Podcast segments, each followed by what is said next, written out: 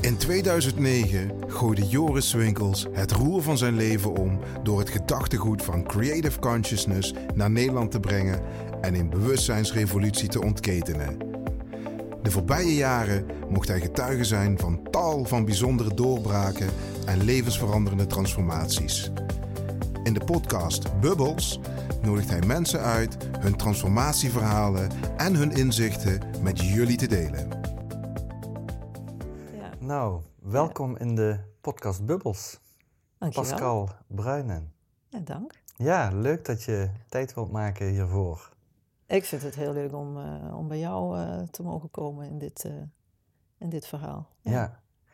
Ik heb jou een tijd terug leren kennen in een van de workshops die je geeft, drijfveren. Zullen we het daar nog wel eens een keer over hebben. Ja, Ehm, ja, en ik was, ik was erg onder de indruk van jouw verhaal. Ik denk, nou, die ga ik eens even uitnodigen voor Bubbles. Ja. wat mooi om te horen. Ja, nou ja, Dankjewel. goed. ehm, ja, in ons vorige gesprek kwam ook al eh, eh, dingen naar voren waar we het hadden over een eh, wereld vanuit het mannelijk energetisch principe en een wereld vanuit het vrouwelijk energetisch Mhm. principe. En ik heb het gevoel dat jij op, in beide werelden ja, je heel erg ontwikkeld hebt. En dat op een of andere manier dat dat nu samenkomt. En dat, ja, daar klopt iets aan zo. Dat, dat was Mhm. mijn gevoel daarin. En Maar- mooi zoals je dat eh, zegt. Eh, als ik er nu over nadenk, dan... ehm, ik heb dat zelf eigenlijk nooit zo, zo uitgesproken beleefd, hè, zoals je Ja. het nu zegt. Maar ik denk wel dat daar een hele grote kern van, van, van waarheid in zit. Als ik zie waar ik vandaan kom, Ja. ja, dat is natuurlijk een... Ja, de- misschien, sorry dat ik je onderbreek, nee. want eh, misschien moeten we dat heel even een stukje context geven Zeker. richting de mensen die luisteren Mhm. en kijken. Eh, want eh, ja, je hebt een hele bijzondere carrière achter de rug, denk ik. Ehm, zou je daar een korte samenvatting van kunnen geven van wat, ja, wat je tot nu toe gedaan hebt in je leven? Ja, dat is misschien een heel, hele lange lang vraag, maar ja. Nee, nou ja, mijn achtergrond is eigenlijk een juridische. Ik heb Ja. eh, 27 jaar in de juridische wereld eh, gewerkt. ja, Als docent op de universiteit. En eh, acht jaar als advocaat. En vervolgens 18 jaar als eh, officier van justitie. uh-huh. Ehm, en met name natuurlijk die laatste baan. Hè, dat wordt natuurlijk over het algemeen wel geassocieerd met een bepaalde mannelijke energie, denk ik. ja, Hè, de, de, in die functie ben je ook eh, de leidinggevende van de politie als het gaat over de opsporing van strafbare feiten. ja, Politie, daar zitten natuurlijk ook heel veel, eh, heel veel dames eh, in, ook op leidinggevende functies inmiddels. Maar Ja. zeker een, een, hè, die tijd terug. Ik kom natuurlijk ook wel echte macho's eh, tegen. Hè. Ja. Dat, eh, dat is natuurlijk ook wel zo. En ehm, nou, binnen het Openbaar Ministerie ehm, ja, zijn, die, zijn die ook eh, aanwezig. Ik zal niet zeggen allemaal. mhm, Hè, maar er, zijn natuurlijk wel, er is wel een, een, een stevige mannelijke energie waar je dan in terechtkomt. Ja. En ja, ik was natuurlijk op dat vlak zeg maar zo groen als gras nog toen ik daar begon. En ja, dan ben je een stuk jonger en, eh, en, en, en, en een klein van stuk en een blond, blond een vrouw. Ja. Ja. ja, en dan kom je bij, eh, bij eh, door de wol geverfde rechercheurs die eh, het allemaal al gezien hebben. En die denken van, oh, daar heb je weer zo iemand die, eh, die komt ons vertellen wat wij moeten doen. ja, Dus dan kom je wel in een, een soort spagaat van, eh, ja, ik, je wordt verondersteld de leiding hè, te hebben over eh, de politie.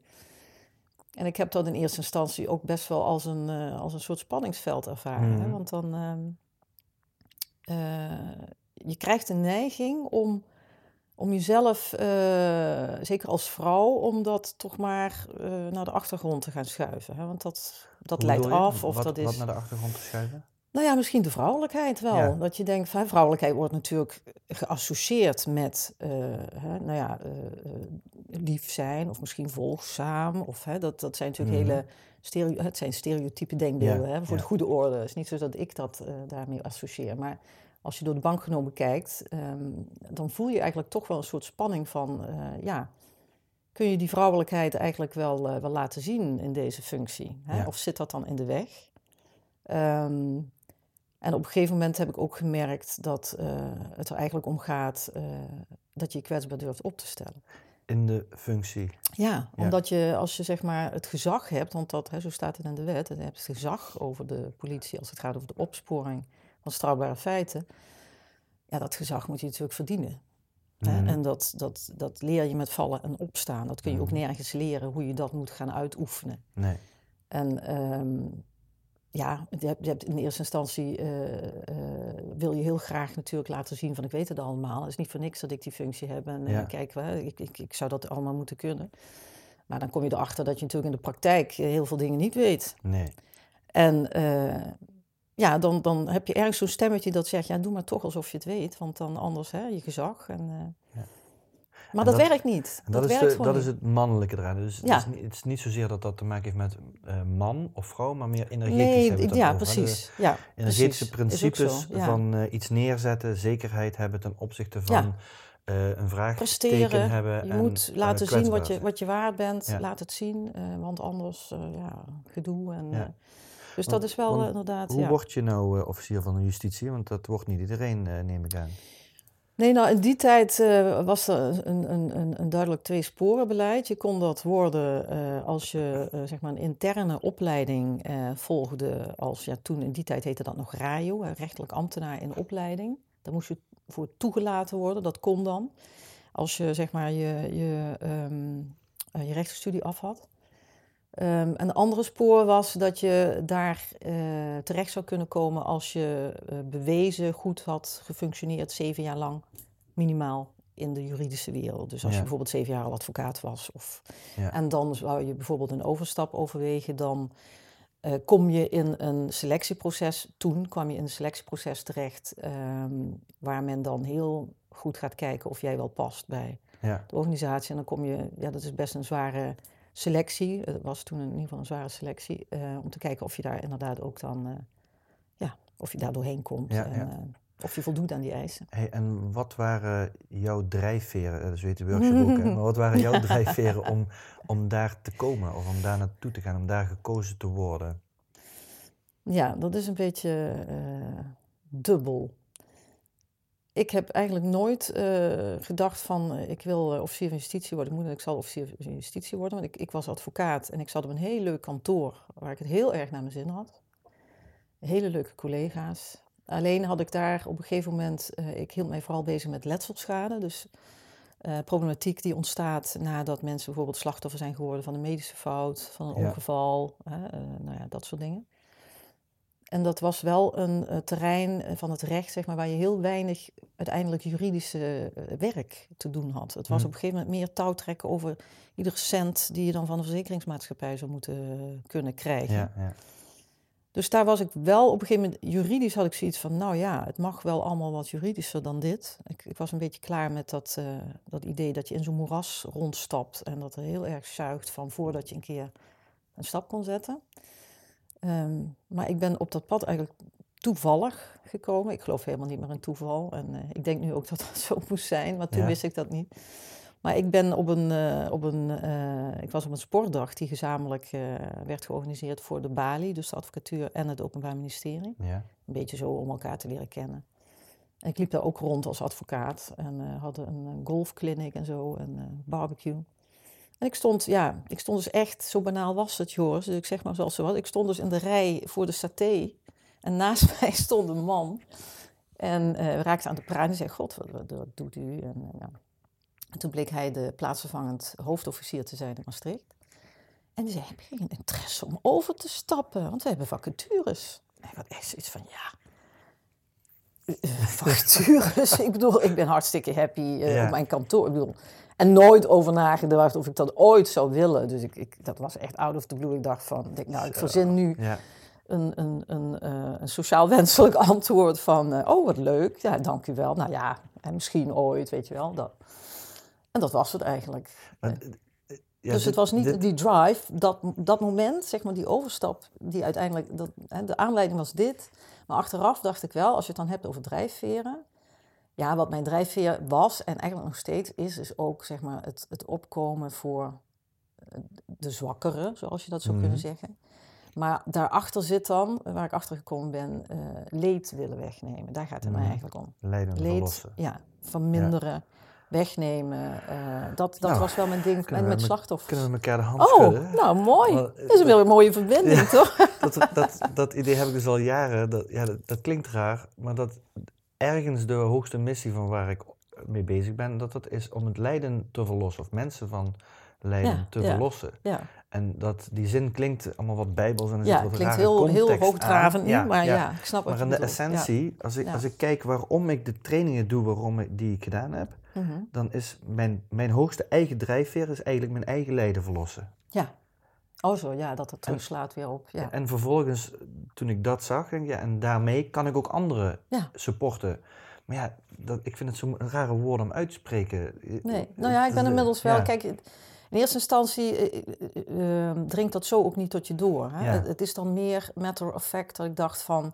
Toen hij dat vroeg, toen ben ik er dus over na gaan denken. Toen dacht ik ineens van: hé, hey, kan ik daar niet veel meer betekenen voor slachtoffers? Dat was mijn drijfveer, hè? zoals hij zich toen presenteerde.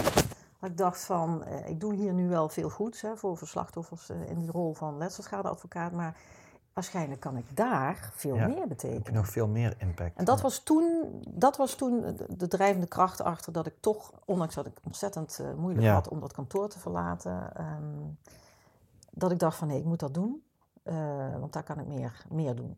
En achteraf is het ook veel, veel ehm, ligt veel subtieler, want het is ook vaak ook het lijden van de verdachte. Hè? Want eh, er zijn natuurlijk ook verdachten die eh, hele schrijnende verhalen hebben Ja. dingen hebben meegemaakt, eh, tot verschrikkelijke daden soms zijn gekomen. Maar ook daar zit natuurlijk een diep lijden onder. Kun je daar een soort van een voorbeeld of iets? Wat, Ja. Want ik, ik, ik vat je helemaal, hè? Maar ja, ik ja, nou ja, ik om het inzichtelijk te maken. Hè? Ja, ik bedoel, ik heb natuurlijk 18 jaar daar rondgelopen, dus er zijn zoveel gevallen. Ja. Maar ehm, nou ja, misschien een van de meest tot de verbeelding sprekende gevallen van verdachte, dat was een jeugdige verdachte. Er is ook kinderzaken gedaan. Ehm, dat was een mannetje, ik denk dat hij net 13 was. En ehm, die had een heel vervelend feit gepleegd. Die had iemand eh, op school eh, verwond met een, met een brandende aansteker. Nou, dat was een, een vervelend feit. Ook een ernstig feit, zeker voor een jong kind, hè, jong, Ja. jong iemand. Ehm, het probleem was dat hij vaker dingen al had gedaan. Ehm, hij had dus ook nog een voorwaardelijke straf openstaan. En ehm, op zitting komt dan zo'n mannetje binnen. Ja. Eh, nou ja, een heel klein mannetje, Ja. die dus nog niet met, bij wijze van spreken met zijn voeten aan de grond komt. Als hij op de stoel achter het hekje moet gaan Zo, zitten. Ja. Ja. Nou ja, en dan heb je het natuurlijk over de feiten. Hè? Dus dat, dat was wel duidelijk. Dat was op zich dan eh, op, op dat moment niet het belangrijkste meer. Omdat we daar, je had dat ook bekend, en we hadden daar voldoende bewijs voor. Maar dan gaat het natuurlijk erom, hoe kom je daar nou toe? Hè? En, en wat mij bijgebleven is, is dat dat mannetje ehm, een heel oud gezichtje had. Een heel, ehm, een heel hard gezicht.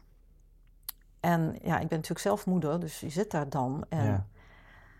Ja, je probeert te doorgronden en om hem te raken met iets waar, hè, waarvan je zegt, komen we door dat panzer heen, ja of nee? En op een gegeven moment vroeg de kinderrechter van God, en we hadden natuurlijk wel voorinformatie hè, van rapporten. Dat was natuurlijk allemaal problematisch eh, thuis. En op een gegeven moment vroeg de rechter van, ehm, ja, en hoe, hoe zit het eigenlijk met je moeder? Ja. Ja, en dan zie je zo'n kind totaal breken. Dat je ineens zie je daar van dat zelf opgelegde masker en die hardheid, zie je ineens dat kind bovenkomen. Ja, ik word er ook emotioneel van nu, maar Ja. ehm, dat werd ik toen ook. En dat ik dacht, jeetje mina, want wat was nou het geval? Zijn moeder, eh, die had een, een nieuwe vriend. En ehm, die nieuwe vriend had zoiets van, nou jouw kinderen, daar, daar heb ik niks mee, dus die kinderen moeten weg. En die moeder ging daarin mee. Ehm, in ieder geval kwam het erop neer dat zij dus ook zoiets had van, ja, je bent bij ons niet welkom. En dat kind zat dus in een, in, in een, zeg maar een soort internaat, in een instelling. En eh, hij was daar weggelopen en was naar zijn moeder gereisd. Maar die moeder woonde ver weg. Dus hij had ook nog, volgens mij, zwart gereden, weet ik wat allemaal, om daar te zit je op komen. mijn tanden te bijten om niet te gaan huilen. Ja, hier. nou ja, voor mij mag je. Ja. Maar ja, het punt was dus, hij komt dus eh, na zo'n reis bij die moeder, terwijl hij dus uit die instelling is weggelopen. En die moeder wijst hem dus gewoon de deur. Zo. En ja, ik moet wel zeggen dat, eh, ja, officier of niet, eh, mijn moederhart brak daar compleet. Mhm. En ik moest mijzelf echt eh, ergens gaan oprapen, want ik was vervolgens daarna aan de beurt om te vertellen wat ik daarvan vond. En ik hoorde zelf in mijn stem toen, dat herinner ik me heel goed, hoe geraakt ik was daardoor. maar tegelijkertijd sta je daar in je rol dat je hem ook iets moet leren, namelijk dat het niet kan wat hij gedaan heeft. Ja. En dat er ook nog voorwaardelijke straf open staat. En dat hij moet leren dat, ja. Ik had het daar verschrikkelijk moeilijk mee. En dat is me altijd bijgebleven. Dat kleine mannetje, wat eigenlijk Ja. maar één ding wilde, is gewoon de liefde van zijn moeder. En dat kunnen wij met. niemand kan dat gat vullen. Niemand. Nee. En Nou, je probeert ja. daar iets. Je, ik probeerde iets van mijn moeder zijn, zeg maar, in dat requisitoor te proppen. Van, weet je, ik geef ook om jou. En omdat ik om je geef, doe ik dit en dit. Ik, en ik leg het dat ook uit. Eh, maar tegelijkertijd is daar dat, dat enorme, overweldigende besef van... niemand kan dit gat vullen. Mhm. Wij kunnen met z'n allen alleen maar hier naar kijken en zeggen... Ja. ja, wat zeg je dan? Ongelooflijk. Ja. Dus dat zijn ook dingen hè, die. die je, daar had ik dat ook, dat je toch probeert om dat leed enigszins te verzachten door, door, ja. door, wat, ja, door wat, je, Mhm. wat in je opkomt, wat, je, wat je goed dunkt Mhm. eh, te doen. Mag ik even een stukje doorgaan op de- Zeker, want ja, ja. Ik denk dat je echt de, de essentie die hierin zit, ja, ik denk als je die als mens vat, eh, je zegt van moederliefde, die kun je niet, eh, die je krijgt wat je, en als dat kunt er het niet niet is, vervangen, kun je dat nee. niet vervangen. Nee. Niet, in ieder geval niet van de moeder. Nee. Dat is, er is maar één op de wereld die dat Mhm. eh, kan geven en die doet dat. Ja, meestal Of niet. ook. Nee, Dus, of niet, maar die, die doet dat binnen de, de mogelijkheden die iemand Precies. binnen dat eigen leven heeft. En, Ja. dat- en die zijn vaak niet optimaal, waardoor er miljarden mensen rondlopen met een tekort aan Ja. Moederliefde of veiligheid of Ja. warmte en onvoorwaardelijkheid. Maar wat ik daar moeilijk aan vind, Joris, is dat natuurlijk vervolgens weer eh, zo'n moeder, ja goed, die stond hier dan niet terecht natuurlijk, die was er ook uiteraard niet, hè, want die zou er eigenlijk ook bij moeten zijn. Ja. Ehm, maar ja, wat heeft die weer voor verhaal te vertellen? hè? Dat komt ergens vandaan. Ja, Dus, dus, dus dat, dus- die wordt ook weer gevormd door, ja, en dat, dat, dat is wat ik zo erg vind, dat je zegt van, het gaat weer door naar een volgende generatie. Hè? Want ik heb bijvoorbeeld heel lang eh, de portefeuille huiselijk geweld gehad ja, waar natuurlijk één en al dysfunctionele gezinnen in het kwadraat eh, figureren. ja, Eh, zwangeren, zwangeren die door de hele kamer geslagen worden, baby's die geshaked worden, ouders die allebei multiproblematiek hebben, zware verwaarlozing en noem het allemaal op. En ehm, bij huiselijk geweld is het sowieso natuurlijk inmiddels al lang bekend uit onderzoek dat eh, de slachtoffers zelf ook weer dader kunnen worden. ja, En dat vind ik zo erg in de zin dat je zegt van je gaat weer de volgende generatie hè, weer een Ja. last opleggen. En waar ik dan eigenlijk naar op zoek ben, is, is, is de tool om zeg maar, dat echt te doorbreken. Om te Ja. zeggen, hier stopt het nu. Ja. Hè, de volgende gaat niet meer eh, diezelfde maar ik, weg op. Ik denk dat dat stukje moederliefde, en ik, ik koppel dat los van de moeder zelf, Mhm. dat dat de oplossing daarvoor is. Ja, ja ik, snap, ik snap wel eh, wat je bedoelt. Ik denk, kijk, ik denk dat als je het, als je het daarover hebt, hè, dan, dan, dan, ehm, dan denk ik eigenlijk dat het gaat, ik zou dan nog iets verder willen gaan, in de zin van, het is een soort oerliefde, Ja, een heel primair gevoel van, ehm, van compassie, van, van, van zorgzaamheid, Verbinding. van respect, van verbinding, en verbondenheid. Ehm, die, als je goed kijkt, eigenlijk ook wel overal ook is. die is overal, ja. En ehm, alleen, ja, hoe, hoe boor je dat aan? Hè? Hoe maak je zelf, zeg maar, vanuit jezelf daarmee de verbinding? Hè? En dat is, dat is eigenlijk ook deels wat ik vanuit mijn kant probeer te doen. In de zin, als je het hebt over van ja, eh, leed wegnemen. Hè, dan, dan zouden veel mensen kunnen denken, ja, maar waar heb je het dan eigenlijk precies over in de praktijk? Hè? Want Mhm. ja, hoe doe je dat? Ehm, maar goed, het gaat dan inderdaad over, eh, hè, natuurlijk waar jullie ook heel intensief mee bezig zijn, van dat mensen bepaalde eh, overtuigingen inmiddels hebben. Hè, door conditioneringen, door wat er gebeurd is in hun leven, die hebben we allemaal. En eh, voor het overgrote deel zijn dat, vaak beperk, eh, zijn dat vaak overtuigingen die je nogal beperken in, ja, in wat je Mhm. zou kunnen gaan doen. Omdat Mhm. je, ehm, kijk, op, op het moment dat je dus eh, bepaalde denkbeelden of gedachten uh, gaat herhalen en dat het overtuigingen worden en dat er uiteindelijk een diep geworteld geloof wordt in hè, van dit kan ik en dat kan ik ook niet, dan is gebleken um, uit heel veel onderzoek um, dat het ook inderdaad zo werkt. Dat wat je echt gelooft dat je Mhm. kunt, dat kun je ook. Ja. En dat waarvan je gelooft dat je het niet kunt, dat kun je ook niet. Ja. En ehm, ik vind dat heel fascinerend. En daar, op dat vlak, wil ik zeg maar vanuit mijn kant een bijdrage leveren om mensen bewust te maken van hun geestkracht. Hè, en dat je bepaalde stappen daarin kunt zetten en dat je bepaalde dingen wel degelijk eh, in de ogen kunt kijken en hè, in zekere zin kunt proberen achter je te laten. Nooit helemaal, maar wel. eh, je kunt ook actief, zeg maar, ehm, en bewust eh, een nieuw geloof gaan omarmen. Daar hou Mhm. ik me eigenlijk mee bezig vanuit. Hoe kun je daar nou komen? Ja. En dat gaat dan vooral ook over. Enerzijds, ehm, hoe kun je daar komen als het gaat over je gezondheid? Hè? Dat je, Mhm. als je bijvoorbeeld eh, kijkt naar onderzoeken eh, op het vlak van het placebo-effect. Ja. Dus, eh, vaak wordt dan gezegd, oh ja, dat is zo'n neppil die, hè, die dan eh, het, probleem oplost. relatie tot, hè? jouw Ja. relatie tot hetgene wat er gegeven wordt. Daar, Precies. daar zit meer kracht, nou meerkracht wil ik niet zeggen, maar daar zit n- bijna net zoveel kracht in, of misschien wel meer, dan hetgene wat er daadwerkelijk gegeven wordt. Ja, nou, ik vind dat heel fascinerend dat ik inmiddels, ik heb daar heel veel over gelezen en die, een van mijn workshops gaat er ook over, maar Mhm. Het, het idee is namelijk eh, dat wat je dus echt gelooft Ja. en jouw eh, verwachting, hè, dus je toekomstverwachting ook samen, dat zijn eigenlijk de beide sleutelbegrippen voor hoe het lichaam ook gaat reageren. Ja, ja. En het lijkt er heel erg veel op dat wat je geestelijk hebt omarmd, en laat ik daar uitdrukkelijk bij zeggen, meestal onbewust, dus weet je niet, hè, vaak is dat Bijna iets wat altijd, ja. ja, wat weggezakt is. Weet je niet eens meer dat je dat omarmd hebt, maar dat wat je omarmd hebt, echt, diep van binnen, ja, het lichaam eh, voert dat eigenlijk uit. Ja. En ehm, dat werkt zowel zeg maar de goede kant op, hè, als je kijkt naar het placebo-effect, als de verkeerde kant op, naar het nocebo-effect. Dus als je zeg maar geen enkel vertrouwen hebt in een behandeling, of Ja. geen enkel vertrouwen hebt in jezelf, hè, dat mag ook Ja. eh, eh, om, om ergens te komen. Ehm, want dat kun je natuurlijk ook toepassen, die principes van het geloof eh, kun je ook toepassen op hoe creëer je je eigen werkelijkheid. Ja.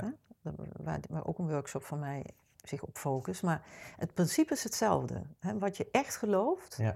ga je als het ware internaliseren. Eigenlijk zelfs tot op celniveau. Ja. En ga je dus ook uitstralen in de wereld. Hè? En, Mhm. en, en, en dus, dat, dus op dat vlak hoop ik eh, mensen ja, tools te bieden of inspiratie te kunnen bieden om, eh, als ze dat willen eh, en zover zijn, om zeg maar, bepaalde stappen echt te gaan zetten, om daar meer bewust van te worden en dan te kijken hoe je dingen kunt toepassen in je eigen leven. Ja. Om, ja, nou ja, laten we zeggen, zo positief mogelijk sturing te geven. Hè? Het gaat er natuurlijk om, er gebeuren in het leven ook dingen hè, die, die lijken ook totaal buiten jouw macht te staan. Hè? Dat, dat, dat maken we allemaal mee. Ja, je, bent in continue interactie met, Met alles. alles. om je heen. Precies. En daarin Ja, is ja. niet alles maakbaar. Want, Nee. eh, om alles maakbaar te maken, dan zou je die interactie eigenlijk Ja. niet kunnen hebben. Of die interactie moeten kunnen beïnvloeden. Precies. Nou ja, ik denk wel, ik, ik, ik, eh, alles, dat alles maakbaar is, dat denk ik niet. Nee. Maar ik denk wel dat er veel meer maakbaar is dan de gemiddelde persoon tot nu toe Ja. Aanneemt. Ja, en eens, en ja. daar zit, zeg maar, daar zit een stuk hè, waar we als het ware meer invloed hebben dan we denken. Ja. Aantoonbaar ook, ook wetenschappelijk aangetoond. En dat vind ik een heel interessant stuk, omdat ik heel erg voorstander ook ben van de regie nemen of de regie Precies, terugnemen over datgene waar we dan wel hè, die invloed op zouden kunnen hebben. Mhm. Om daar meer aan dat roer te gaan staan en je eigen koers te varen. Ten opzichte van, hè, wat je natuurlijk veel hebt, eh, ja, de automatische piloot. eh, we staan op, eh, we doen ons ding, we moeten heel veel. Hè, Ja. we proberen alles tegelijk te doen. Mhm. Eten, drinken, we, we hebben interacties en nou, dan is er weer avond, gaan we naar bed, we Ja. staan weer op. En dan, ja, als je zeg maar je laat leven, dan laat je je dus ook leiden in je aandacht. Die gaat ook alle kanten op, hè, in plaats van een gefocust op één ding wat je, wat je wel wil. Ja. Want wat ik dus in dat lijden zie, en niet in de laatste plaats gaat dat ook over mijzelf, uiteraard. Hè, dat Kom ik ben zelf allemaal Ja. ik heb dat zelf allemaal eh, bij mezelf uiteindelijk ontdekt en gaan onderzoeken. Dus ik, ben, eh, ik, ik heb dat uiteraard ook allemaal gedaan. Maar je, hebt, eh, je, je, je komt heel snel ehm, met een, een negatieve verwachting op te proppen. Al dan niet bewust. Hoe bedoel je dat? Nou, wat, wat ik op een gegeven moment merkte, ehm, naar aanleiding ergens van een artikel had ik gelezen, hè, dat mensen, eh, die hebben heel veel gedachten per dag en eh overgrote deel daarvan, 75% is negatief. En toen dacht ik, ja, maar dat, dat- ik Ja. niet. Nee, tuurlijk niet. Ja. Ehm, dat gebeurt mij niet. Ik dacht, ik ben, ik ben een heel positief persoon. Ja. En toen dacht ik, maar ik ga, ik ga dat eens in de gaten houden. hè. Ik wilde wel even checken van hoe en Mhm. wat. En toen ben ik me kapot geschrokken. Ja. Van hoeveel negatieve gedachten Maar het je hing aan ook- elkaar van... Ja. Want op het moment dat ik er dus echt op ging letten, dan merkte ik dat ik sprak in termen, of dacht in termen, weet je wel, die self-talk van, Ja. god, als ik maar niet puntje, puntje, dit en dat. Of, Mhm. eh, oh, ik ben bang dat eh, dit of dat gebeurt. Een Eh, slokje water. ja, nou ja, weet je, dat, dat soort, eh, dat soort self-talk ehm, en ook dingen die je uitspreekt zonder dat je het in de gaten hebt. Als je daar dus eh, je bewustzijn op gaat richten, dan zie je dus dat je je daar zelf hartstikke schuldig aan maakt. Mhm. En, en daar dacht ik toen op een gegeven moment van, oké, maar dat, eh, dat moet anders. Mhm. En dat heb ik dus ook bewust gaan omturnen. Eh, en dat is een leuke exercitie. Waarom? Omdat je op het moment dat je dus zegt van... God, eh, weet je, dan ga ik straks op vakantie, maar niet ziek ben. Weet je wel? Dat bijvoorbeeld. Ja. Als ik niet ziek word, dat ik op vakantie ga. Ehm, als je die gedachte kunt vangen... en je staat even erbij stil, je gaat op een afstandje staan... En, ehm, dan is eigenlijk de bedoeling dat je gaat nadenken over... wacht even, dit is wat ik niet wil. Ja. Daar moet je vooral geen aandacht aan geven. Hè? Alleen aan dat wat je wel wil. En dat dwingt je om het te gaan, eh, opnieuw te gaan formuleren. Dus dan moet je nadenken over, wacht even, in deze setting, wat wil ik eigenlijk wel? Oh ja, ik wil gezond en wel met vakantie vertrekken. Weet je, dit is natuurlijk een eenvoudig voorbeeld. Mhm. Maar dat gaat de hele dag door zo. Precies, ja. ja. Met alles wat je zegt en wat je je, hele denkt. realiteit is op die manier Ja. aan elkaar ge, ja, hangt daarvan aan elkaar, tuurlijk. En dan, maar het mooie is dat je dus eh, dan komt op het punt dat je, eh, doordat je jezelf traint om na te denken over wat je wel wil, wordt het ook steeds duidelijker wat je ook echt wel Ja, wilt. ja. En dat is een hele goede zaak, vooral ook omdat je dan natuurlijk op positieve dingen gaat focussen.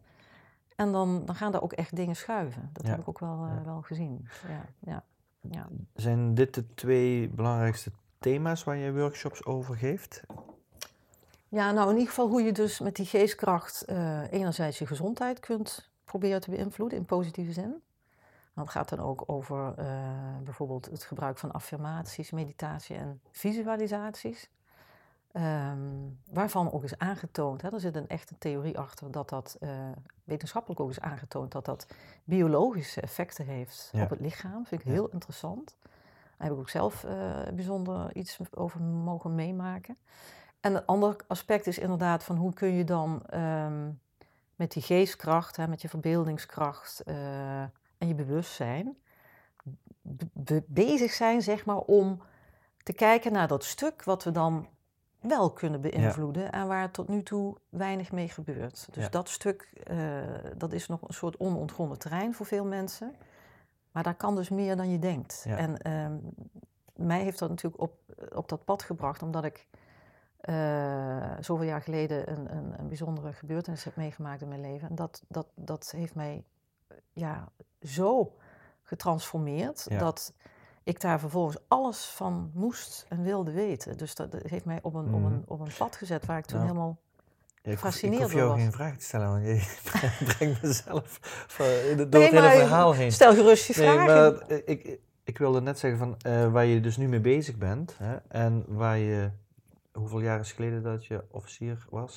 Eh, jij bent op 1 januari 2016 eh, 16. gestopt. Ja, Ja, dat is nog niet zo heel lang geleden. nee, Eh, dus gaan we vijf jaar terug of zes jaar terug, dan was dat een hele andere wereld waar je in zat. absoluut. Hè? Ja, En eh, Ja. er is een moment geweest van hele hoge impact, heel hoog inzicht, of iets wat eh, daar een verandering in gebracht heeft. Kun je dat, kun je dat eens be- benoemen? Ja, nou ja, dan moet je terug naar de tijd dat ik eh, dus officier van justitie was. En ehm, ja, dat is een, een, een wereld natuurlijk die gaat over, over rationeel denken, hè, eh, argumenteren, eh, zeg maar linker hersenhelft. Hè, eh, Ja. Waar op zich niks mis mee is natuurlijk. Nee. dus Maar ik zat daar heel erg in. Precies. Maar ik zat daar wel heel erg in. En dat komt dan ook nog extra tot uiting, omdat je natuurlijk jaren zo opgeleid bent. Hè? En ik had ook jaren in die wereld gewerkt. Dus ehm, ik zat vooral denk ik in die linker hersenhelft. Eh, maar ik had op een gegeven moment wel een, een soort gemis begon ik te voelen. In 2008 of zo. En toen was ik tien jaar daar. En ehm, uiteindelijk bleek dat gemis dat ik, dat ik een, een gevoel van verbondenheid heel erg miste. Mhm. En dat komt omdat je in die positie heel erg. ehm, eh, nou ja, je loopt bepaalde beroepsrisico's hè, met, met eh, Ja. wat je doet. Ja. En je gaat natuurlijk toch om, ook, ook om met, met zware criminelen, hè, beroepshalve. En eigenlijk is het credo dat je dan eh, zeer low profile bent. En ehm er was weinig, ik heb dat altijd ervaren als heel weinig ruimte voor sociale spontaniteit. Ja, ja. Dus ook, we hadden natuurlijk ook kleine kinderen, ook zeker in het begin hier. En, ehm, het is niet zo dat je dan, als je een klik met iemand hebt, dat je zegt: hé hey joh, kom eens lekker koffie drinken bij mij thuis. Ja, Dat doe je ja. niet. Dat is toch allemaal. En ik merkte eigenlijk op een gegeven moment dat dat in de loop der jaren ingeslopen was, dat je steeds meer, zeg maar, gaat afhouden. Ik had natuurlijk wel vrienden, uiteraard, hè, maar Mhm. toch dat je. En ik, ik heb dat altijd wel ervaren als dat ik dan uiteindelijk in een soort eh, oester Ja. terecht kwam, Ja. die op een gegeven moment echt dichtgeklapt Ja. was. En dat voelde benauwd. En toen dacht ik, er klopt hier iets niet. Er is iets niet goed. Mhm. En ik wist niet wat. Mhm. En toen ben ik erachter gekomen dat dat dat gevoel van verbondenheid was wat ik miste. En toen ben ik gaan schrijven. Dat had ik ineens ontdekt dat het dat was. Dat ik op afstand in ieder geval, hè, via een column en Ja. een blog, wat ik toen begonnen ben, dat ik op ieder geval op afstand eh, bepaalde eh, mooie dingen kon delen met mensen. En dat Mhm. mensen zich herkenden in verha- persoonlijke verhalen. Dus het geven van expressie en wat in je zit, eh, dat gaf al meer verbinding. Oh, absoluut. Ja. Ja. En dat was, kwam ook echt precies op tijd. Ja. Want toen had ik zoiets van... Oké, het voelt iets beter nu. Er was wat meer balans. En eh, toen ben ik dus in die tijd... eh, heb ik dus ook op een gegeven moment een column over mijn werk eh, gekregen... in het Algemeen Dagblad. Dat heb ik drie jaar gedaan.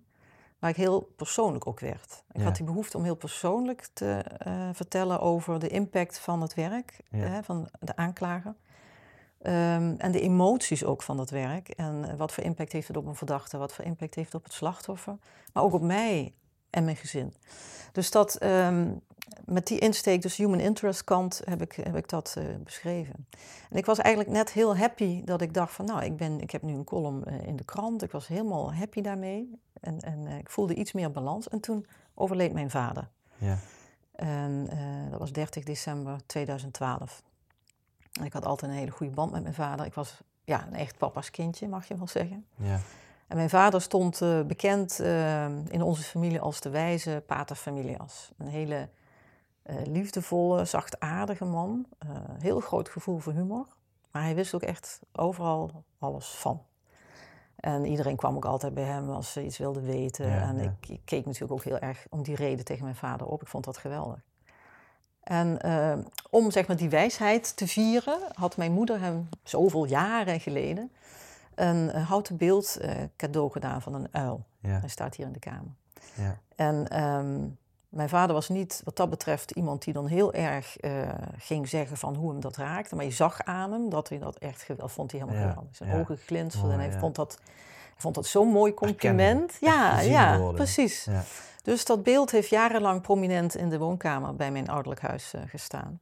En eh, nou ja, goed, mijn vader overlijdt. En ondanks dat je dat kon zien aankomen, omdat hij natuurlijk al eh, behoorlijk op leeftijd was en, en ja, een, een, eigenlijk ook al een, een, een soort nierziekte had die waarschijnlijk hè, uiteindelijk fataal zou worden, ehm, ja, heb ik het helemaal niet zien aankomen ook. Of, Ja. Weet je, dat de op impact moment- op jou ja. niet zien aankomen. Nee, ook niet. Ja. Eh, ik was op een gegeven moment echt totaal. eh, ik, ik was daar zo door geraakt. Ja.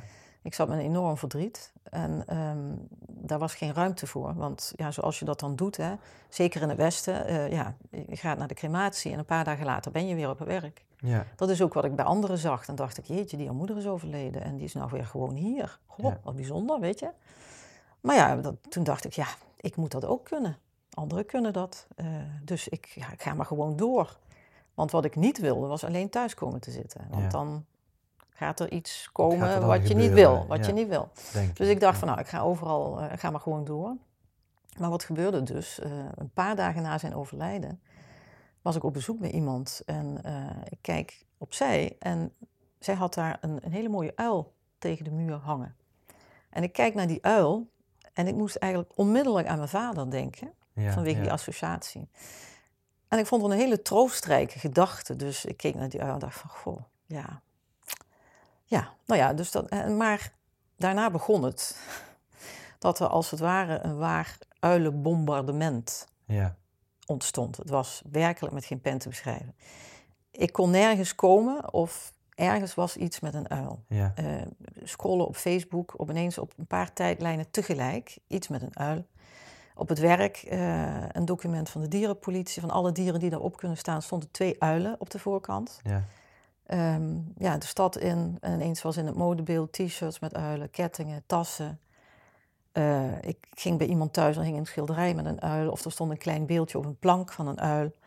Ehm, het was zelfs toen ik eh, naar het buitenland ging, dat er ineens overal uilen in etalages stonden, dat er bij mensen thuis dingen waren, dat ik dacht van, ja. ja, je moet je voorstellen, Joris, ik was toen eh, helemaal niks, ik had niks met spiritualiteit. ja. Maar echt niks. Ik Ja. was waarschijnlijk de minst spirituele persoon op het westelijk halfrond. En ik, Ja. ik, ik wilde daar ook niks mee en ik kon daar niks mee. Nee. En dan hoorde je wel eens van mensen die zeiden van ja, er is nu een dierbare overleden. en Ik zie nu een vlinder en ik denk dat dat mijn moeder is of mijn zus. En dacht ik, ja, oké.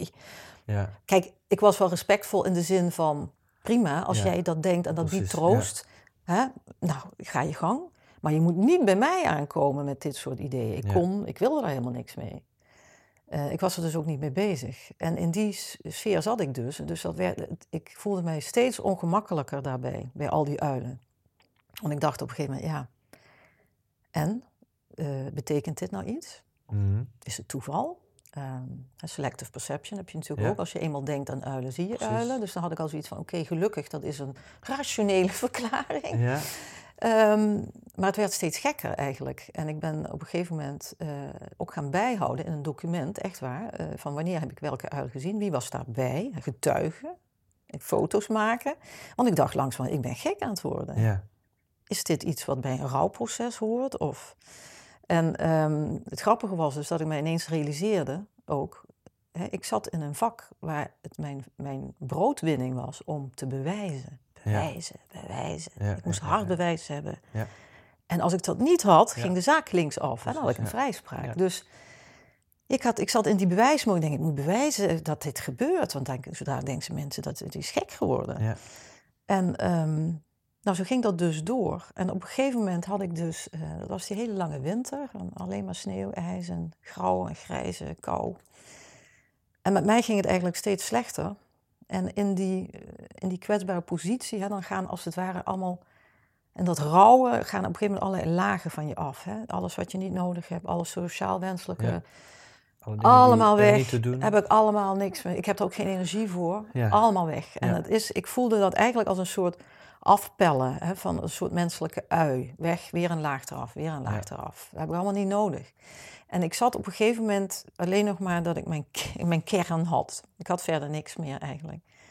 Eh, en dat is natuurlijk een hele kwetsbare positie. En eh, ook na zoveel weken eh, op je tenen lopen op het werk. ik voelde dat als, als dat er een soort, soort uitbarsting kwam. Dat kolkende magma van, van dat verdriet. Dat, dat zocht zich een weg naar boven. Dat moest eruit. Ja, ja. En dat kon niet. Ehm, en op een gegeven moment, ja, wat gebeurt er dan? Wordt ingegrepen voor je. hè. Ik werd hartstikke ziek, lichamelijk. Ja. Zeven weken, niet slapen, eh, stress, spanning, huilen. ehm. dus ik werd ziek. Ik kwam dus inderdaad ook thuis te zitten. Eh, omdat mijn dokter, de huisarts, zei: Ja, weet je, als jij zo doorgaat, dan steven je straks af op een enorme eh, burn-out. Ja. Dus je kunt nu stoppen, dan hou je dat een beetje beperkt. Nou goed, je moet dan altijd weer iemand hebben die jou die toestemming geeft hè, om te kunnen rouwen voor je Ja. eigen vader. Maar goed, eh, dus ik zat in die hele kwetsbare positie thuis. En eh, op een gegeven moment had ik me bedacht, denk ik, eigenlijk wat ik aller, aller, aller, allerliefste, liefste, liefste zou wensen, willen, is eigenlijk dat ik een echte uil zou zien. ik had mij in die positie bedacht dat ik een echte uil wilde zien in mijn eigen boom. Dat is een hele mooie, grote uh, catalpa-boom, majestueuze boom. Die, dit is een andere boom die er nu staat. In mijn eigen achtertuin. Ja.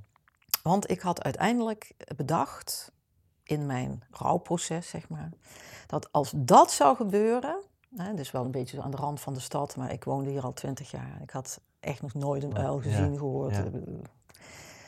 Ik dacht, als nou een uil in mijn katalperboom in mijn achtertuin komt, een echte uil, denk, ja, dan, dan, dan is dat, dan moet dat wel een teken zijn dat de energie van mijn vader er nog is, op een of andere manier. En dat het hem goed gaat. Dat had ik in mijn hoofd gezet. En dat plaatje, dat, dat, dat zag ik maar voor me. Ik zag dat voor me. In mijn geest. In de Engels zeggen ze dat heel mooi, in my mind's eye. Hmm. Zag ik dat maar voor me. En ehm, ja, je moet je voorstellen, als je in die kwetsbare positie bent en, en uh, midden in dat heftige rouwproces zit, dan eh, gaat dat ook met je aan de haal. Uh, voor mij werd er een obsessie. Ik stond ermee hmm. op en ik ging daarmee mee slapen. Hmm. En op een gegeven moment was die overtuiging dat die uil in die boom zou zitten zo groot, zo vanzelfsprekend geworden, dat ik dus echt oprecht verbaasd was als ik de gordijnen open deed s morgens. Mm.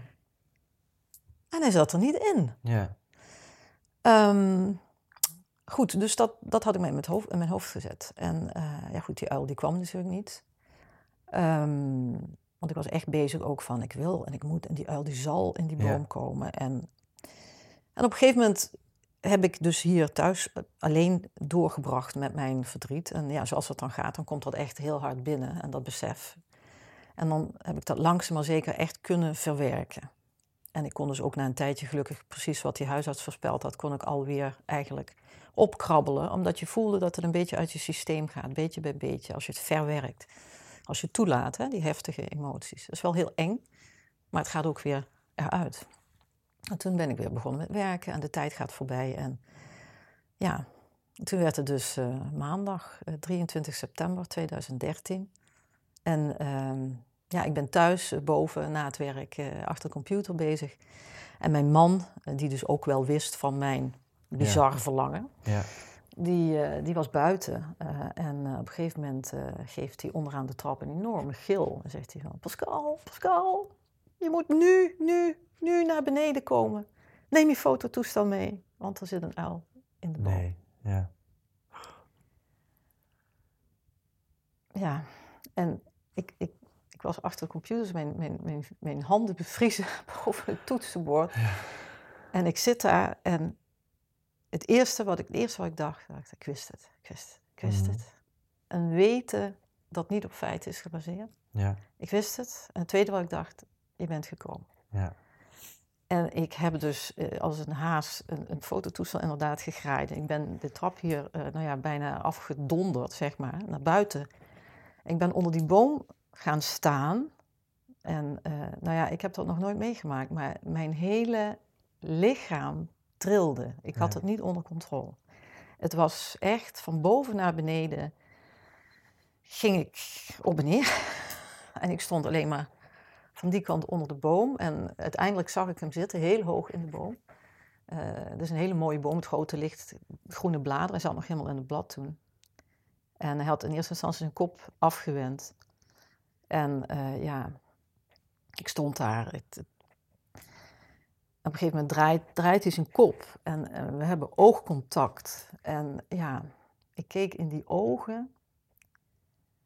Ja, en dat is dan zo'n moment, eh, zoals ik het heb ervaren, het alsof je bijna flauw gaat vallen. Hè? De, de, focus wordt, eh, wordt alleen maar dat. Al, Ja. al de rest, het is ook letterlijk, het verdwijnt uit het zicht. Hoor niks meer, zie je anders niks meer. Je hebt dat contact en ja, het beste hoe ik dat kan verwoorden is eigenlijk dat ik daar de oneindigheid en de verbondenheid van alles, met alles, heb gezien. ja, En ehm, ja, dat moment, dat heeft mijn hele leven veranderd. Alles, alles waarin ik dacht te geloven, dat bleek niet te kloppen.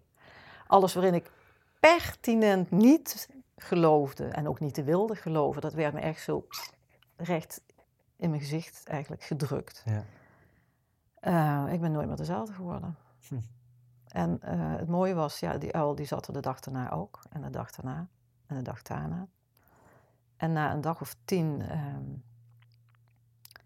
heb ik op een gegeven moment mijn moeder eh, gevraagd. En mijn moeder die was nog erger dan ik. Ja. Qua niks hebben met spiritualiteit. Maar die kwam hier en toen zei ik, zeg, god mam, eh, ik zeg, de uil zit nu in de boom, zeg, wil je me zien? Toen zei ze eerst van, je denkt toch niet dat dat papa is? Ja. Wijselijk maar geen antwoord op gegeven. Maar ze wilden hem wel zien. Want dat was natuurlijk een- wild dier wat in de boom zit in de tuin. Ja, had zoiets van, dat wil ik wel zien. Dus het mooie was dat eh, we zijn samen naar buiten gegaan. En eh, we zijn ook naast elkaar gaan staan. Ik zeg, ja, daar zit hij. En op een gegeven moment had ze hem dan in het oog. En ja, ze hadden ook oogcontact. Dus ze kijkt en ze zegt van, oh, zegt ze, wat is die schattig. Ja. En ehm, ja, dat was een heel mooi moment. En ik kom de dag daarna eh, buiten. En eh, ja, mijn man en ik hadden echt een vaste routine voordat we naar het werk gingen. Even kijken, waar zit hij? Ja, ja. Ah, ja. En als we thuis kwamen was ook het eerste wat we deden. Dus ik kom buiten en denk, oké, oké, waar, waar zit hij? En hij zat er niet. Ja. En ehm, ja, meteen ook weer op dat moment een, een soort flash van inzicht. Weten zonder dat je dat ergens op kunt baseren. Ik wist ineens absoluut zeker dat ik hem nooit meer zou zien. Want ik, ik, ineens begreep ik het. Dus ik, ja, hij was eigenlijk gekomen omdat ik hem geroepen had. En hij was gebleven.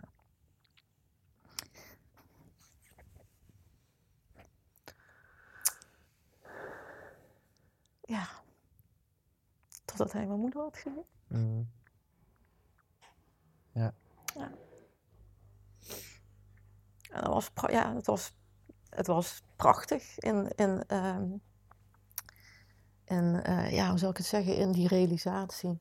Ehm, het was ook zo, eh, eigenlijk ook logisch Mhm. in die zin. En ehm, ja, het heeft mijn hele leven op de kop gezet. Mhm. Eh, het is, ik, ik kom van de ene dag op de andere helemaal niet meer tegen geweld. Ja. Ik, ik had eh, daar ehm, een fysieke reactie op. Ik Ja. moest natuurlijk heel veel doen met geweld. Professioneel gezien, ik moest dossiers lezen, foto's bekijken van afschuwelijke Ja, verwondingen enzovoort. En eh, nou ja, goed, hè, als professional heb je daar een modus voor gevonden waar je daar goed mee om kunt gaan. Wat deed je lichaam dan? Ja, ik Pijn voelde iets in mijn, eh, in mijn maag. Ja. Ja, alsof je maag zich omkeert, zoiets. Ik, en ik voorzag al heel snel dat dat een probleem zou zijn. Ehm, omdat dat is in mijn werk. eh, het bestond daaruit. En eigenlijk was het eh, ja, een soort kosmische grap. Dat, Dat ik dan, van ja. alle mensen hè, dit dus meemaak. En mij dan ineens in een positie bevind waarvan ik denk, ik, ik zit hier helemaal fout. Ja. Waar ik ook namelijk moeite mee had, was om. eh, in mijn positie moet je oordelen over anderen. Ja. En zelfs letterlijk anderen laten veroordelen. Ja, ja, ja, ja. En ik vond de symboliek zo mooi. Toen ik daarachter kwam, dat ik dacht van jeetje. Ik was altijd bezig met bewijzen, bewijzen, bewijzen. Eh, veroordelen, veroordelen, veroordelen. Dat was mijn vak.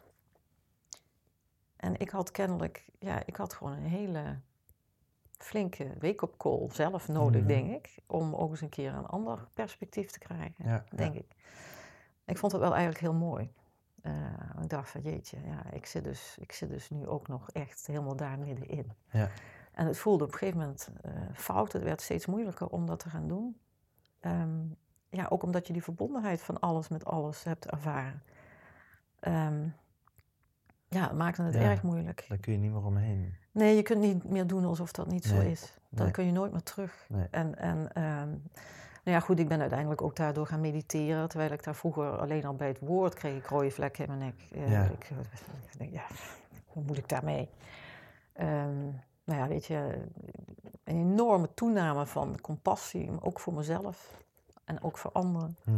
Nu had ik dat wel vooraf ook al, maar dat is zeg maar exponentieel gegroeid. Ja, ja, ja. Ehm, maar het maakt je vak er niet gemakkelijker op. Dus ik voelde al heel snel dat dat tot spanningen zou gaan leiden. En die spanningen waren er sowieso al, omdat ik ook dat schrijven ontdekt had. En ik heel graag verder wilde met schrijven. Want ik had inmiddels ook ehm, een boek over mijn eh, ja, bewogen bestaan, zeg maar, als vrouwelijke aanklager geschreven. Is dat het jaar van de uil? Nee, dat is eh, Dat het eerste oh, boek. Mijn, eerste- eh, mijn eerste lijk mijn is gelukkig lijk. vers. Is gelukkig vers. Ja. En dat is eigenlijk een, een, eh, ja, een heel persoonlijk inkijkje in het vak van, eh, van officier van justitie. Ja. Uiteraard van mijn eigen, vanuit mijn eigen persoonlijke perspectief als vrouw. Eh, maar ook gewoon als mens. Hè, wat je, ja, de, waar ik het eerder over had, die emoties van het vak. Wat je allemaal meemaakt. Maar goed, het zijn spannende dingen, maar ook even goed hilarische dingen natuurlijk. En, en schrijnende zaken. Ehm, dus ja, ik had dat boek geschreven. En ja, het proces om zo'n boek te schrijven vond ik echt geweldig. Want Ja. het was mijn droom eh, toen ik eh 48 of zo was. Toen had ik ineens bedacht tijdens het hardlopen. Want dan krijg je de beste ideeën. Ehm, als ik 50 ben, wil ik een echt boek hebben uitgegeven. Maar ik bedoelde dus ook een echt boek in de zin door een echte uitgever. Niet zeg maar zelf gepubliceerd ergens. En dat is ook gelukt. Precies drie weken voordat ik eh, 51 werd, eh, is Ja. een boekpresentatie geweest bij De Fontein. Ja. Dus een echte uitgever. Ja. Ja. Maar dat smaakte naar meer. En hoe langer ik eigenlijk op een gegeven moment ook nadacht over wat mij dus met die uil was overkomen, hoe meer ik begon te voelen dat ik dat moest gaan delen. Ehm, hoewel ik natuurlijk wel ook daar wat issues mee had in het begin, dat ik dacht, ja, als je dit gaat delen vanuit je vak als officier. Ja. Eh, mijn eerste boek was ook al heel erg, een, een, een heel erg kwetsbare opstelling. Dus ik heb me steeds meer opengesteld en steeds verder kwetsbaar durven opstellen. Ehm, door ook die emoties te laten zien van dat vak, terwijl ik natuurlijk die toga nog aan had. Hè. En ook om te schrijven over wat ik vind ik nou eigenlijk van strafadvocaten of strafrechters. En Ja. ja, ik ging er nog iedere week, eh, moest ik eh, daar vervolgens ook naar binnen. Precies. Ja. Dus dat was al heel erg out of the comfort En toen dacht ik, ehm, ja weet je, ik heb namelijk meegemaakt naar aanleiding van, van met die uil. ehm, als mensen dan weten wat ik heb meegemaakt, ehm, dan krijg ik heel vaak eh, een gesprek waarin de ander op een gegeven moment zegt, ja weet je, ik heb dat nog nooit tegen iemand verteld, maar, en dan komt een soortgelijk verhaal.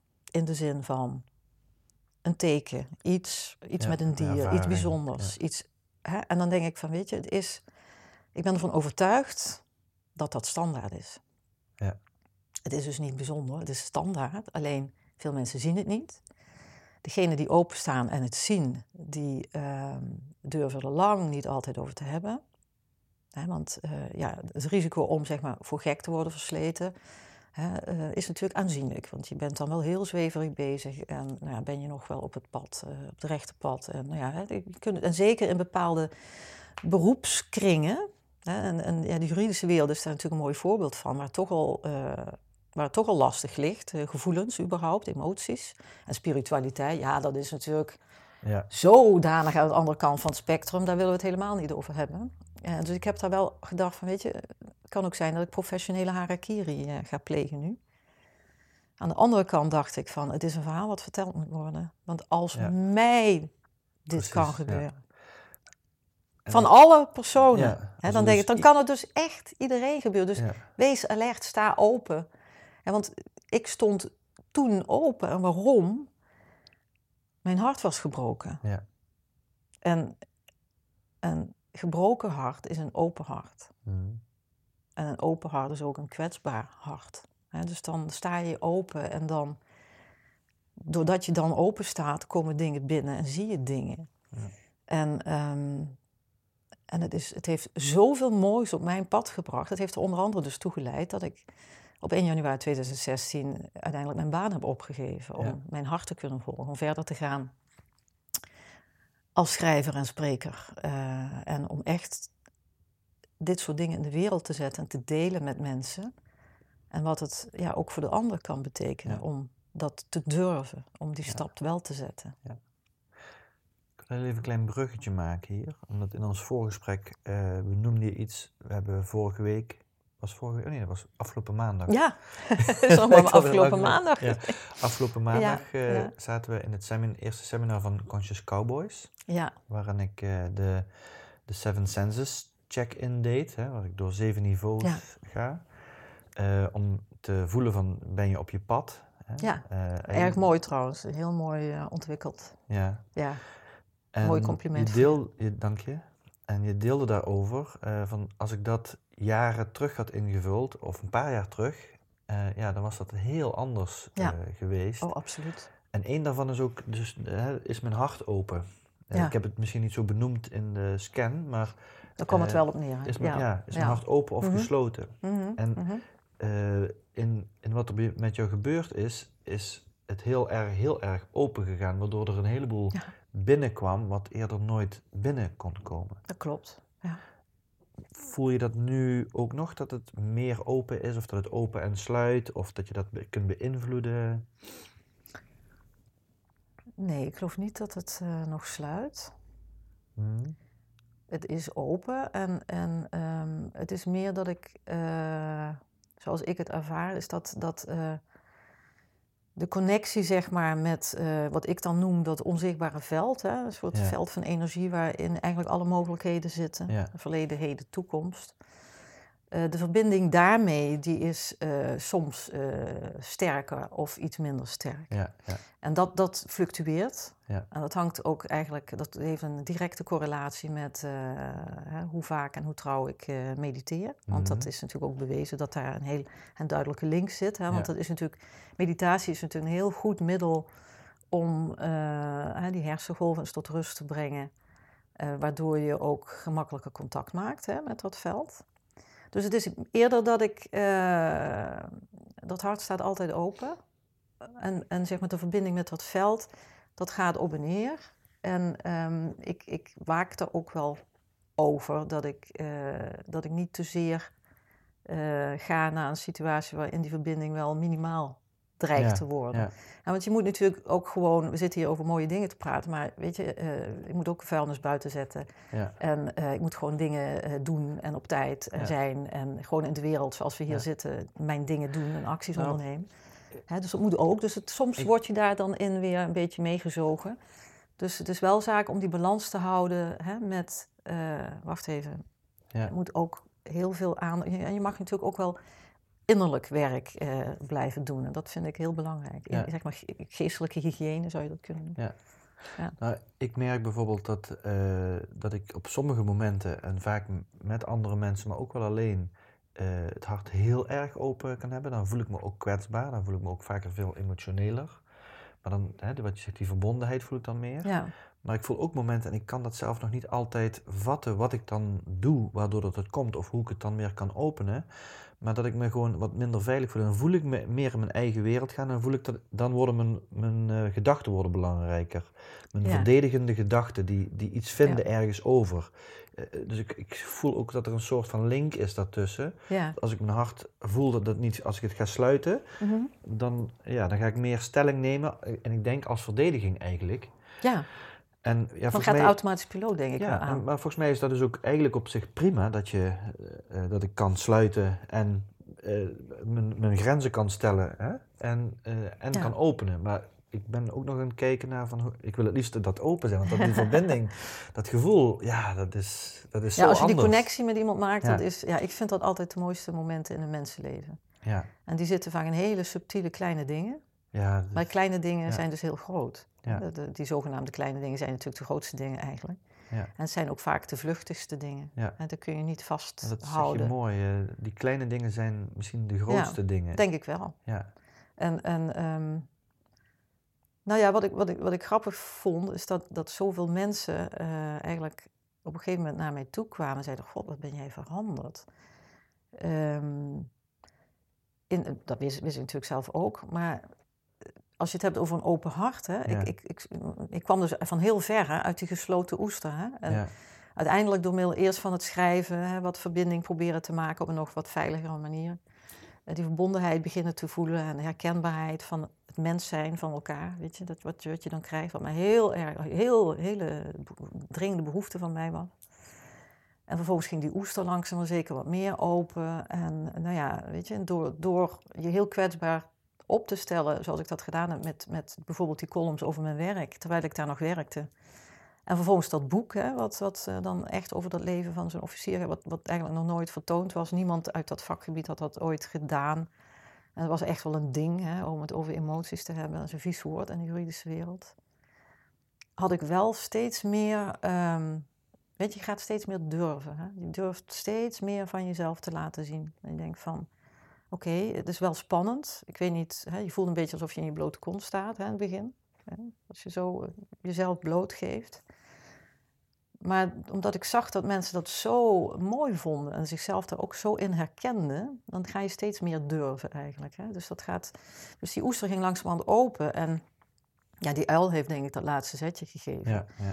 En toen bleek er dus eigenlijk ja, een, een parel in te zitten. Ja. Die parel, dat was ja, dat ik mezelf had gevonden of hervonden, of hoe je het zou willen noemen. Ja. Dat je echt jezelf durft te zijn. Alleen ehm, op dat moment zat ik dus in een professionele omgeving die dat helemaal niet weerspiegelde. Ja. Maar wat dus mensen mij teruggaven, dat vond ik heel interessant. Want ik, ik, ik werd een soort menselijke magneet. Het was echt op, op het absurde af. Toen ik dat eenmaal uitstraalde, toen, eh, toen dat open stond, dat was dus echt letterlijk zo. Dan stond ik ergens in een rij eh, bij de bakker en begonnen mensen tegen me te praten. En eh, mensen die, die ik niet kende, mensen die ineens een bepaald probleem op tijd van niks vertelden, iets heel persoonlijks. En op de sportschool, zeg maar, ook allerlei leeftijden. Ik bedoel, mensen ook die mijn, mijn, mijn, mijn dochter zouden kunnen zijn, bij wijze van spreken. Of, ik dacht van, en, en zelfs mijn man viel er op een gegeven moment over. En zegt hij, wat is dat toch met jou de laatste Ja. Overal waar jij komt, die mensen beginnen over...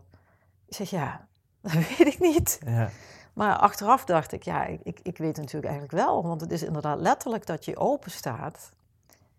En er is natuurlijk hè, al lang uitgemaakt, als je naar de kwantumfysica kijkt, Ja. dat als wij, hè, wij, bestaan ook uit atomen eh, uiteindelijk, net als als wij om ons heen zien.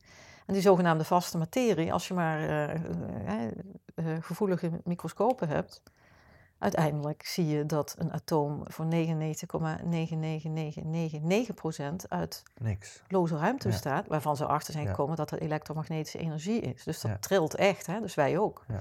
Dus ja, je bent energie en je straalt die energie uit. En dat wordt gewoon opgepikt, zo duidelijk is het.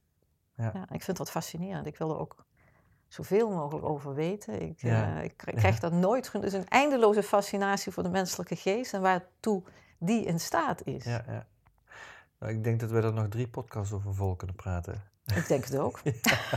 Ja, ja, ja. Het is een risico als je met mij eh, op de tafel schuift. Waar zie je jezelf over vijf jaar? Ehm, over vijf jaar. Eh, nou, over vijf jaar heb ik eh, minstens twee nieuwe boeken geschreven. Hm?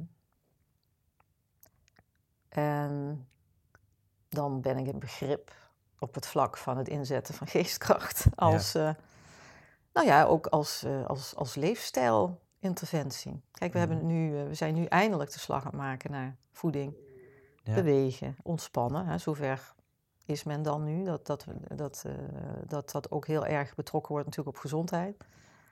En in dat rijtje hoort ook geestkracht thuis. Ja, ja, ja. En hoe je die kunt inzetten. Dus in, mijn, eh, over, in mijn ideale wereld, ik weet niet of dat al over vijf jaar is hoor, dat heeft waarschijnlijk langer tijd nodig. Maar zou ik graag zien dat je hè, bij bepaalde klachten naar je huisarts gaat. En uiteraard als dat medisch verantwoord is en geen acute situatie, maar hè, waar wetenschappelijk onderzoek voor bestaat. Eh, dat gezegd wordt, nou weet je, je krijgt een recept van mij. Driemaal daags ga jij zeven minuten deze visualisatie doen. Ja. En deze lijst affirmaties. Ja, en dan kom je over drie weken terug. Dan praten we verder. Ja, want het is aangetoond eh, dat visualisatie eh, leidt tot vermindering van pijn. Dat het leidt tot groei van spierkracht. Dat het leidt tot sneller mobiel zijn na bijvoorbeeld een nieuwe heup of een nieuwe knie. Ja, dan past het al toe in de revalidatie.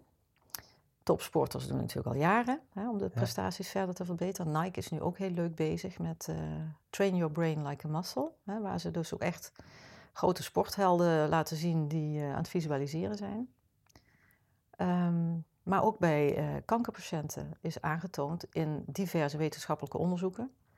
Eh, weliswaar kleinschalig, maar rode draad van eh, het wetenschappelijk onderzoek wat er is, zijn echt wetenschappelijke onderzoeken. Hè? Dubbelblind, gecontroleerde wetenschappelijke onderzoeken.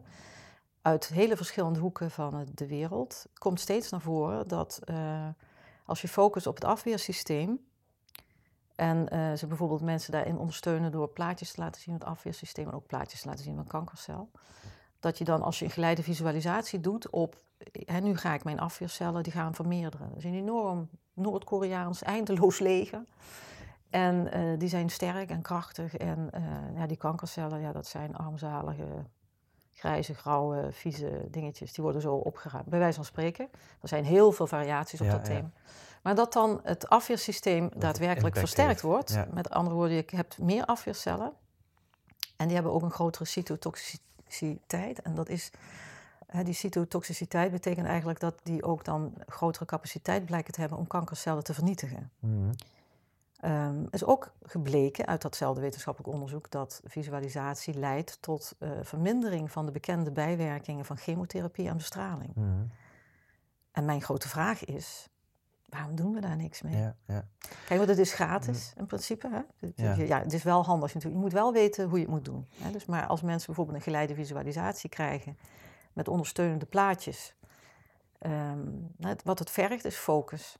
Je moet langere tijd je aandacht ja. op kunnen houden. En mensen, het hallen helpt als je visueel bent ingesteld, maar je kunt ook visualiseren met je andere zintuigen. Dat kan ook. Maar als je dat doet, ja, het heeft geen negatieve bijwerking. Het kost eigenlijk niks.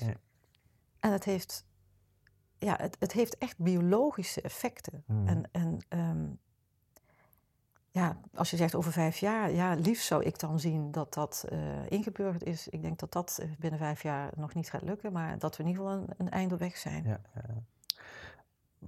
Er komt iets bij mij nog op.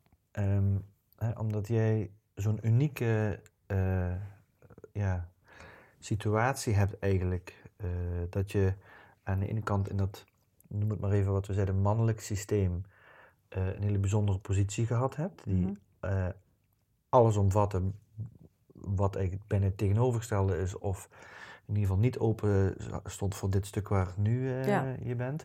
En nu op dit gebied zo uh, enorm uh, ja, ja, vooruitlopend bent.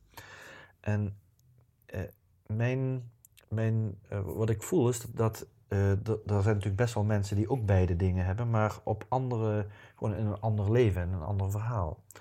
En ik geloof dat als dat er een heleboel, uh, misschien in politiek of in overheid of in bedrijfsleven, uh, mensen zijn die eigenlijk ook heel erg aan die mannelijke kant zitten en niet openstaan voor die anderen. En dat ook niet aannemen van iemand die niet uh, een beetje eenzelfde soort achtergrond heeft. Omdat mm. dat, ja, dat is, dat, dit een ander leven. Dit is het, ja, ja, ik zat daar ook in. Hè? Ja, precies. Ik, precies. Was, ik was een van hen. Ja, dus Ik, het, ik, eh, we hebben het er helemaal niet over gehad, maar het, het, voelt voor mij als dat er een rol ligt bij jou, omdat jij daar volgens mij, dat er, ik denk dat er heel weinig mensen bij die mensen binnen kunnen komen. Ja, dat is waar.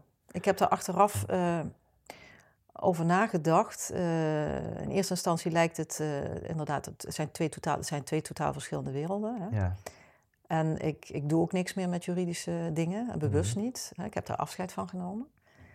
Um, maar het grappige is hoe het dan uh, langs de achterdeur een, een, grote rol speelt, die achtergrond. Ja. In wat ik nu doe ook. Omdat precies wat jij zegt, ik heb op een gegeven moment gerealiseerd dat het voor veel mensen heel belangrijk is uh, dat ik niet al van tevoren een soort Jomanda-achtig ja. iemand was. Ja. Hè? Wil, uh, en ik wil ook, ik noem dit nu, en dat is een ongelukkige verwijzing eigenlijk juist, omdat ik juist heel erg af wil van het zogenaamde zweverige, wat hè, om dat geestkracht heen zou zitten. Ja. Um, is helemaal niet zweverig. Waarom niet? Omdat het, uh, als je het hebt over even, zijstap, uitstapje even, maar als je het hebt over visualisatie, maak je gewoon gebruik van de eigenaardigheid van de hersenen die wij hebben. We doen het de hele dag. We doen het de hele dag, maar het is ook gewoon dat onze hersenen kunnen gewoon niet genoeg verschil zien tussen beelden die wij met alle onze zintuigen zo levendig mogelijk oproepen in onze geest en de werkelijkheid die we om ons heen zien. Dus heeft niks met zweverigheid te maken. Het gaat om de hersenen, hoe de hersenen functioneren en daar maak je gebruik van. Optimaal als je het hebt over die tools mhm. waarbij je die geestkracht inzet. Hè. Dus wat jij nu zegt, dat komt mij heel goed van pas inderdaad, omdat ik, ik was dus, ik ben een academisch geschoold iemand. Ik zat in, ongeveer in de minst mhm. spirituele, spirituele baan van Nederland. Mhm. En ik was zelf ook helemaal niet spiritueel. Dus ik ben de perfecte brug tussen zeg maar, de wereld van het hoofd, Ja. hè, dus de, de rationele, de ratio, en die waar alle magie plaatsvindt, namelijk die van het hart. Ja. En ik kan dus, omdat ik uit die wereld kom, hoop ik inderdaad ook dat ik eh, mensen die eigenlijk normaal altijd zo zitten, zoals ik zelf ook zat, dat die een beetje zo willen zitten van, oké, nou dan vertel maar eens een keer van, wat is dan jouw verhaal? Ja, Hoezo precies, zou dat ja. voor mij iets kunnen zijn, weet je wel? Dat vergt natuurlijk toch dat de deur op een kier staat. Je kunt ook nooit iedereen daarmee bereiken, dat hoeft ook helemaal niet. Maar voor mensen bij wie een deur op een kier staat en die bijvoorbeeld heel erg zoekende zijn of heel erg twijfelen of heel erg ook uit die kant komen, maar wel een zekere openheid hebben om kennis te nemen van, denk ik inderdaad dat ik daar een, een, een mooi, ehm, ja, dan ben ik wel een geschikt iemand om Ja. die overstap, zeg maar, Ja, te precies, vergemakkelijken. Ja. Dus daar wil ik over vijf jaar nog wel eens over hebben. bij wie dat video heeft binnengelaten. eh, hè?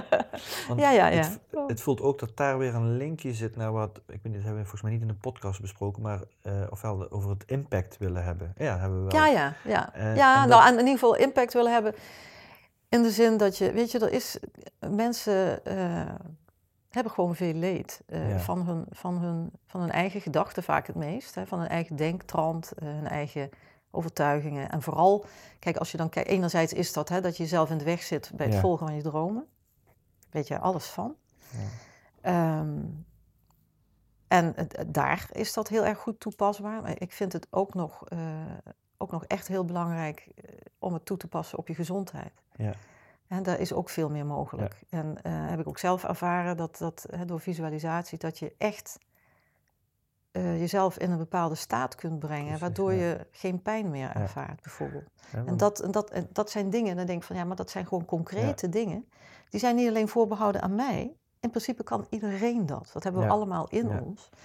En ja, die impact hebben zou dan eruit kunnen bestaan dat ik, dat ik mensen dat aanbied. Ja. Die zeg van nou weet je, dit is, dit is mijn persoonlijke ervaring. Ik ben ervaringsdeskundige, maar na- daarnaast hè, wordt dat natuurlijk ook ondersteund door... En mensen, sommige mensen hebben heel erg behoefte aan dat bewijs. Hè, van, waar blijkt dat dan uit? En dat, is ook, dat kan ik ook bieden, Ja. hè, maar ook de persoonlijke kant van... eh, er is natuurlijk niks zo sterk in de overtuiging als dat je het zelf meemaakt. Ja, nou, en, en dat denk ik dat ook heel belangrijk is. Want de eh één kant van, er is, als mensen wensen hebben, hè, heb je heel veel te bieden. Maar anderzijds hebben mensen ook, denk ik, behoefte aan verbinding met mensen waar ze mee kunnen verbinden. En eh, dat kan met, in feite met iedereen. En toch, hè, onze ego-identiteit, die, die zoekt ook een aantal mensen vaak die die makkelijker binnenlaat Ja, natuurlijk. Ja. dan, dan anderen. Ja. En Ja, nee, ja, je hebt niet met iedereen Nee, hè, dat- dezelfde dat voelt klik. voor mij dat je daar een soort, door ook alles wat er gebeurt, een talent hebt. Om, dat je dat ene nu toegevoegd hebt aan het andere. En gewoon door wie je bent, dat je daardoor belangrijk kan zijn voor andere mensen die daar nog niet helemaal zijn, maar wel voelen dat, nou, dat ze iets willen of dat er meer Ja. is dan.